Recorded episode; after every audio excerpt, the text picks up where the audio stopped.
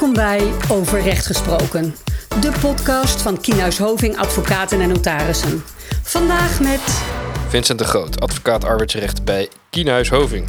En Tom Profijt, ook advocaat arbeidsrecht bij hetzelfde kantoor. Dat ook in de intro-tune genoemd wordt, Vincent.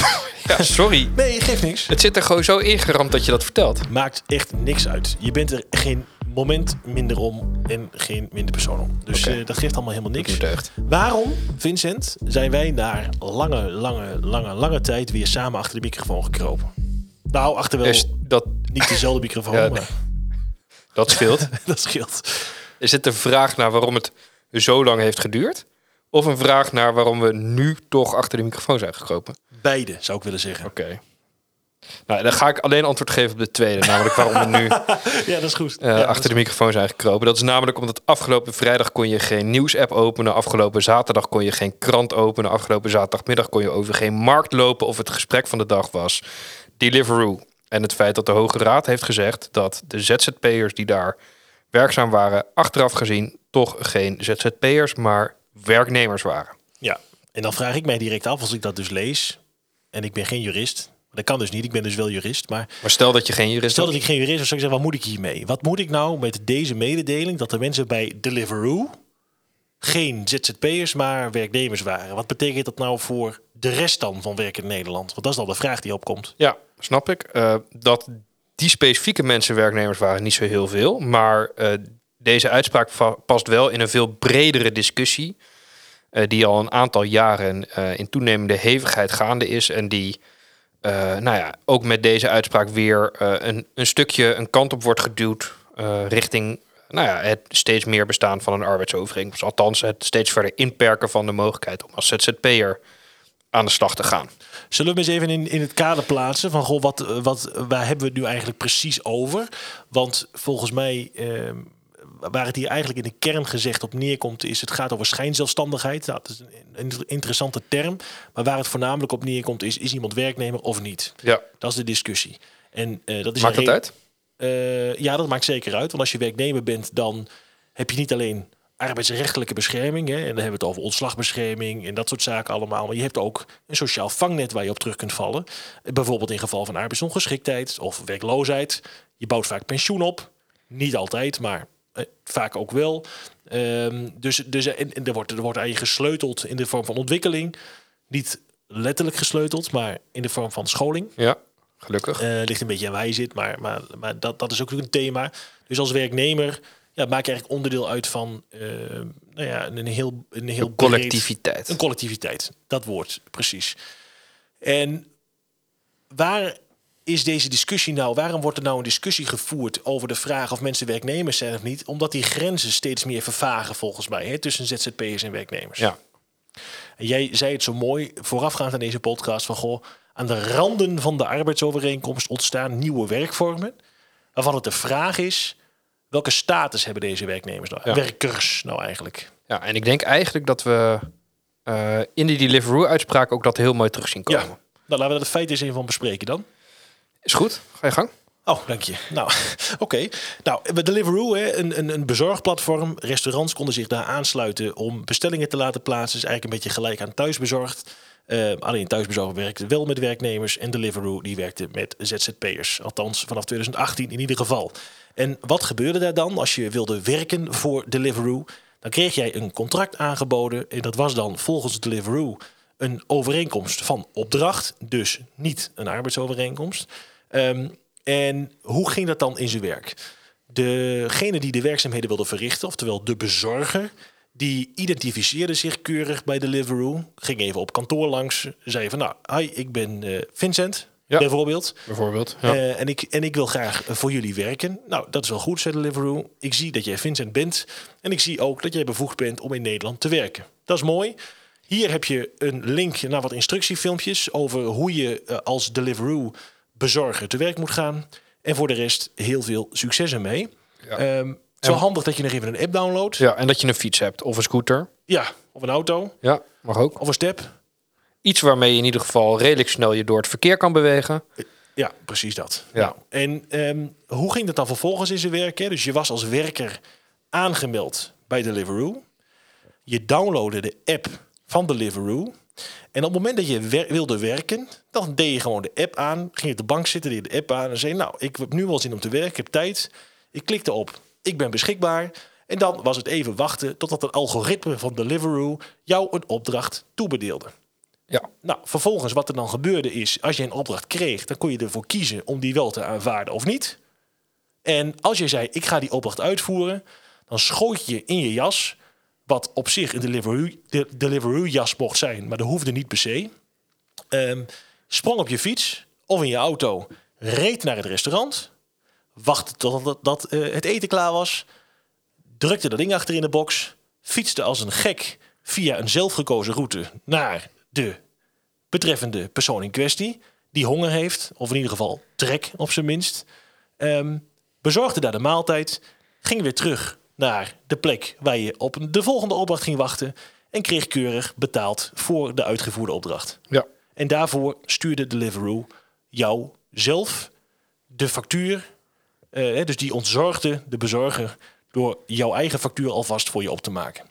Dus je ziet daar heel duidelijk dat de werknemer of de, de werker in kwestie ehm, eigenlijk helemaal zelf mocht invullen of die ging werken, hoe die ging werken. Ehm, ook wanneer hij niet wilde werken, kon hij gewoon zeggen: Nou, ik, ik heb me wel aangemeld, maar ik meld me toch weer af. En ook wat betreft de betaling, ja, eh, ik kreeg keurig mijn opdracht betaald. En dat was het dan ook. Ja. Wil je nog meer weten? Nou, nee, ik vond het op zich wel interessant. En maar, oké, maar waarom is het dan wel of niet een arbeidsovereenkomst? Ik bedoel, die werknemer die bepaalt kennelijk, nou ja, achteraf dus werknemer. Hè, maar waarom is het überhaupt een vraag dan, in dit geval? Eh, is, is dit een ZZP? Ik bedoel, hij bepaalt toch helemaal zelf wat hij gaat doen? Ja, wat een interessante vraag is, kijk, partijen hadden hier op papier gezet, ik ben, althans, deze werker is geen werknemer, maar deze werker is een ZZP'er. Nou, we weten, althans in Nederland geldt het systeem dat wat je opschrijft niet per se van doorslaggevende betekenis is. Sterker nog, in principe niet. Met name niet daar waar het gaat om de arbeidsovereenkomst. Dan gaat namelijk eh, wat er feitelijk gebeurt voor dat wat je op papier hebt gezet. En daarom is die discussie bij Deliveroo uiteindelijk eh, aan het licht gekomen. Want de vraag werd gesteld, joh, prachtig mooi dat deze mensen als ZZP'er worden aangemerkt. Maar zijn ze dat wel? Kun je nou zeggen dat deze groep bezorgers voor een tarief van maar liefst 3,50 euro per bezorgde maaltijd op de korte afstand niet als werknemer moesten worden aangemeld en daarmee dus ook niet eh, geen toegang hadden zeg maar, tot alle faciliteiten die het werknemerschap met zich meebrengt. Want dat was de discussie in de Deliveroo-uitspraak. En die vormen van werken, die zien we in de huidige maatschappij steeds meer voorbij komen. Platformarbeid is een thema dat echt heel hot is. Eh, er wordt zelfs in Europa een richtlijn platformarbeid eh, uitgewerkt. Van hoe gaan we daar nou mee om? Met van die platforms waar je helemaal geen persoonlijk contact hebt met je werkgever. Waarin je werkzaamheden verricht wanneer je maar wil. En waarin het allemaal super laagdrempelig is. Moeten we die nou onder de groep werknemers drukken? Zeg ik het even heel gechargeerd, hè? Of moeten we die als ondernemers bestempelen? That's it. Daar, dat is waar het over gaat. En we hebben net geconstateerd dat als ze niet tot de groep werknemers behoren en dus alleen, dus echt ondernemer zijn, ja, dat ze dan dus ook niet bijdragen eh, aan de collectiviteit. Hè? Dus ook dus niet bijdragen in de financiering van het sociale stelsel. Eh, ze waarschijnlijk geen pensioen opbouwen, waardoor ze aan het einde van de rit mogelijk in de financiële problemen komen, wat weer een maatschappelijk probleem gaat zijn. Ehm, eh, en we hebben ook gezien dat ze op scholing en ontwikkeling op een andere manier hun eigen verantwoordelijkheid daarin moeten nemen. Dus wat is dan wenselijk? Nou, goede vraag. En die vraag ligt dus voor nu.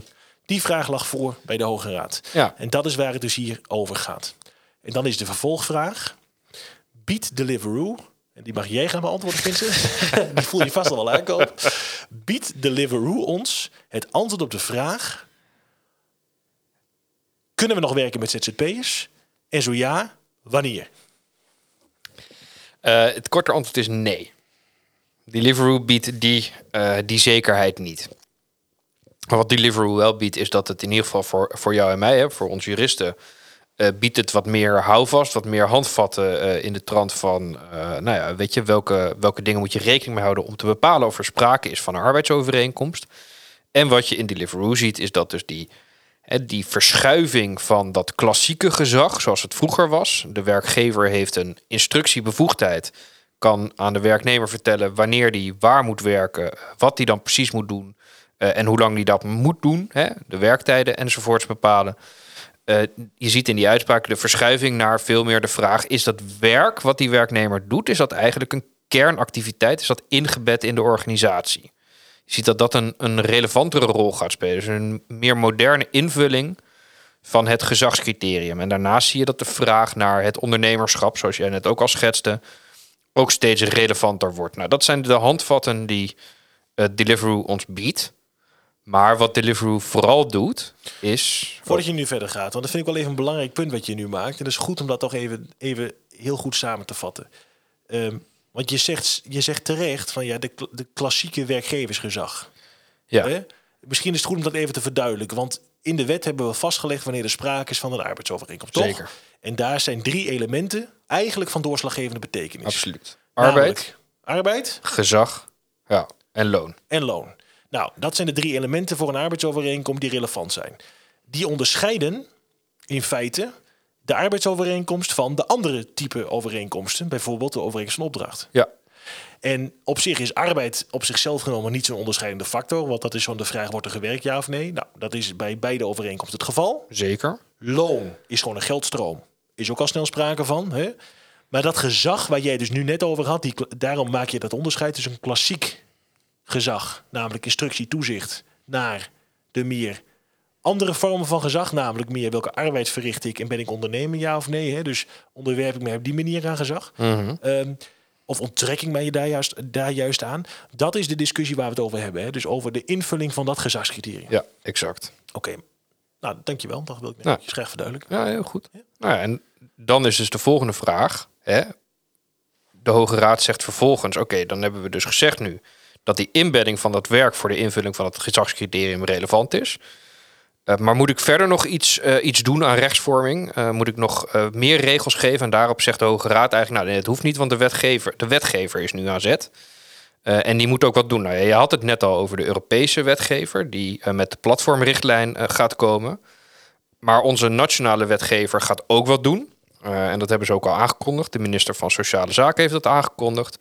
Die heeft een, een brief gestuurd eind vorig jaar, waarin ze aankondigt dat ze op drie uh, gebieden, op drie manieren, uh, actie gaat ondernemen om dat verschil tussen die ZZP'er en die arbeids, althans die opdrachtovereenkomst en die arbeidsovereenkomst enerzijds scherper te stellen, maar ook financieel minder groot te maken. Dus dat gaat ze doen door het creëren van een gelijk speelveld. Dat komt er in feite op neer dat ZZP'er gewoon duurder wordt. Ja. Heel simpel gezegd. Ja, het is dus minder financieel minder. Het wordt financieel minder aantrekkelijk om ZZP'er te zijn. Ja, en ook om een ZZP. En daarmee is de gedachte dat het ook minder aantrekkelijk wordt om een ZZP'er in te huren omdat het tarief omhoog zal gaan uiteindelijk. Ja, exact. En even de instrumenten, de knoppen waar de, de wetgever gaat draaien waarschijnlijk... zijn dus dat je als ZZP'er straks verplicht wordt... om een arbeidsongeschiktheidsverzekering af te sluiten. Nou, dat is natuurlijk zijn bepaalde kosten mee gemoeid. En die drukken dus op je tarief. En anderzijds, je krijgt minder fiscale faciliteiten. Je zelfstandige aftrek die wordt fors afgebouwd totdat je in 2027 nog maar 900 euro of zo kunt aftrekken. Dus, dus het wordt ook fiscaal minder aantrekkelijk om ZZP'er te zijn. Oftewel, het wordt voor de werkgevers, hè, dus de opdrachtgevers, ook veel minder aantrekkelijk om inderdaad ZZP'ers in te, in te, in te, uh, in te zetten. Exact. Nou, verder komt er dus die verduidelijking van die afbakening tussen enerzijds de opdrachtovereenkomst en anderzijds de arbeidsovereenkomst. Dat moet gebeuren uh, enerzijds door uh, de door de verdere invulling van het gezagscriterium, door daar het eh, criterium van inbedding aan toe te voegen. Nou, dat heeft de Hoge Raad nu in zekere zin al gedaan. En door de afbakening met het ondernemerschap ook uh, meer een grotere rol te geven. En aan de onderkant van die ZZP-markt in feite, voor de kwetsbare ZZP'ers, komt er een rechtsvermoeden dat als je onder een bepaald tarief werkt als ZZP'er, dat er dan in feite vermoed wordt sprake te zijn van een arbeidsovereenkomst. Een beetje zoals we dat uh, ook kennen van uh, het vermoeden van de urenomvang. Hè? Ja, precies. Ja, exact. Alleen hier is het zo dat het enkele feit dat je tegen een laag tarief gaat werken al voldoende is voor het rechtsvermoeden van, de arbeids, uh, van het zijn van een arbeidsovereenkomst, ja of nee, het bestaan daarvan. Um, wat wel interessant is in ieder geval is, ze zijn druk bezig met het uitwerken van, van, van welk tarief dat dan moet zijn. Er worden allerlei onderzoeken op dit moment verricht. Er is al gesproken volgens mij over 30 of 35 euro per uur. Dat zo'n beetje de grens zou moeten zijn. Dat betekent dus, als dat restvermoeden er gaat komen, dat als jij als werker werkzaam bent op basis van een overeenkomst van opdracht, of tenminste je zegt dat je ZZP'er bent, maar je hanteert een uurtarief dat veel lager ligt dan die grens, dat je dan dus als werker kunt zeggen, ja, maar wacht eens even. Ehm, ik ben eigenlijk helemaal geen ZZP'er. Kijk maar in de wet. In de wet staat dat er vermoed wordt dat ik een werknemer ben. Dat ik op basis van een arbeidsovereenkomst mijn werk verricht. Dus wilt u mij wel als de wiede weerga een arbeidsovereenkomst onder de neus schuiven? Of op zijn minst even bevestigen dat ik werknemer ben. Met alle zaken die daarbij horen. Ehm, dat, dat is iets wat er gaat gebeuren. Ja, en dat gaat allemaal uh, uiterlijk 1 januari 2025 gebeuren. Ja, dat is wel goed om die horizon is inderdaad. Hè, dus dat is over iets minder dan twee jaar. Ja. En uh, wat daar dan nog bij komt, is dat de Belastingdienst ook uh, gaat handhaven waar het de controle op het, hè, de, ja, de fictieve dienstbetrekking, de, de overeenkomst van opdracht betreft. Dus als de Belastingdienst constateert dat er weliswaar een overeenkomst van opdrachten is gesloten, maar dat dat in de ogen van de Belastingdienst eigenlijk een arbeidsovereenkomst is, dan kunnen ze uh, vervolgens boetes op gaan leggen. Gaan ze alsnog, uh, gaat de Belastingdienst alsnog dus allerlei premies uh, en loonheffingen vragen en moet je die afdragen. En ook daarvoor geldt dat dat uiterlijk op 1 januari 2025 dat de Belastingdienst daadwerkelijk gaat handhaven. Ja. Nou, dat is dus echt iets wat in mijn beleving, en niet alleen in mijn beleving, maar ook in die literatuur. Dit is het grootste probleem misschien wel van, van dat dit zo is uitgedijd, is het feit dat er al zes jaar lang niet gehandhaafd wordt. Althans niet actief gehandhaafd wordt. Alleen kwaadwillenden die worden, uh, die worden, die worden echt aangeschreven. Ja. Uh, maar de Belastingdienst moet dus echt per 1 januari 2025 aan de bak. We constateren dat er zo'n 80 FTE op dit moment zit te handhaven. Nou, dat vonden we niet heel veel. Uh, met name niet gezien het aantal werkenden en aantal werkgevers en opdrachtgevers. Maar um, die handhaving moet er dus echt wel gaan komen. Um, er wordt ook nog gewerkt, het is wel belangrijk, ook aan wat meer verduidelijking voor de werkers. Dus het is niet allemaal op basis van algemene criteria. Maar ze zijn natuurlijk ook bezig met die wetmodule hè, die nog verder wordt ontwikkeld.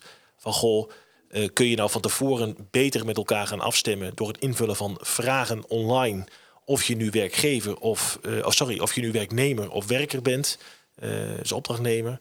Nou, die wetmodule wordt nog steeds verder bijge, bijgeschroefd en bijgewerkt. Dus ik verwacht, we verwachten daar ook nog wel wat, wat ontwikkelingen op.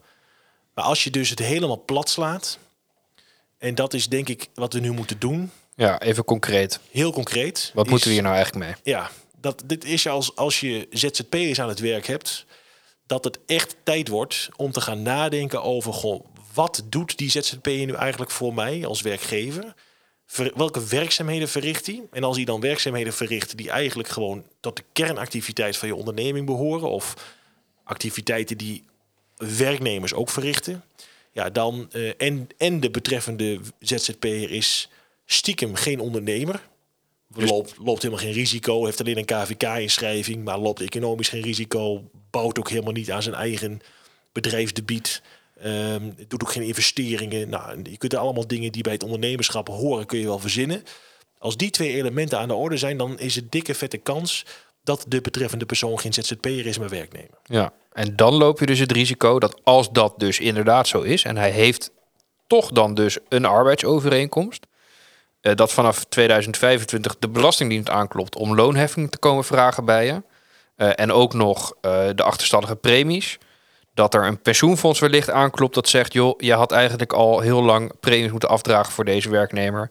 En dat die werknemer zelf ziek wordt en zegt: ja, nu heb ik recht op loondoorbetaling. Hè? Want dat is dus ook het gevolg. Als het een werknemer is, tellen ook al die arbeidsrechtelijke regels ook nog eens gelden voor hem. Precies dat.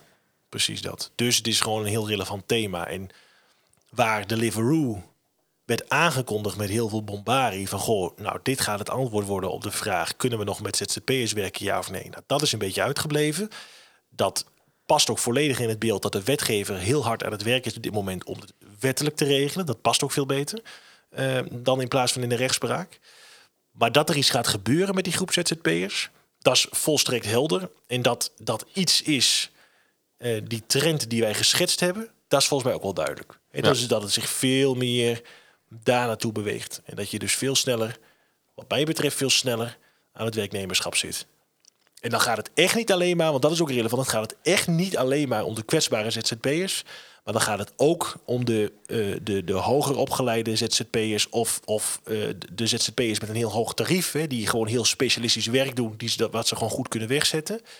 Um, en het is belangrijk om heel goed te begrijpen en te realiseren. Het gaat hier niet alleen maar over de discussie: behoren mensen arbeidsrechtelijk te worden beschermd? Het gaat hier ook over de discussie: moeten we allemaal bijdragen aan het collectief? En daarom raakt deze maatregel of raakt deze discussie niet alleen de groep aan de onderkant, maar zeker ook de groep aan de, aan de hogere kant, de hoge tariefkant van, van de ZZP-markt.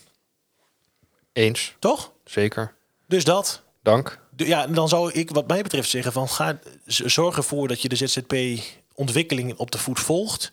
Um, tijdlijn heeft Vincent geschetst, of heb jij geschetst, Vincent, van goh, ja. um, de wetgever verwacht dat die uiterlijk 1 januari 2025 deze hele wetswijziging in werking moet gaan treden langs de lijnen die we net hebben geschetst. Uh, daar zit nog veel meer in, hè? uiteraard. Maar we moesten ons tot de hoofdlijn beperken vandaag. Ja. Um, maar voor de zomer van dit jaar zou er al iets bij de Kamer moeten liggen. Ja, er komt de, eerste, de eerste stukjes wetgeving komen er dan als het goed is aan. Dus dan gaat het ook weer al meer contouren krijgen. Maar los daarvan uh, is dus inderdaad het advies nog even heel kort, zoals Tom al zei. Uh, vraag je af, doen mijn ZZP'ers hetzelfde als mijn werknemers? En zo ja, uh, is die ZZP'er wel een echte ondernemer? Breng dat voor jezelf in ieder geval alvast in kaart. Exact. Nou, dan zijn we weer aan het einde gekomen van een nieuwe podcast wat mij betreft. Eens? Toch? Zeker. We hopen dat je het een goede en leuke podcast hebt gevonden. heb je suggesties, opmerkingen, vragen? Stuur gerust een e-mail naar podcast.kineshoving.nl. volg ons, like ons, deel ons via je favoriete podcastkanaal. En hopelijk tot, een, tot de volgende keer. Tot de volgende. Doeg.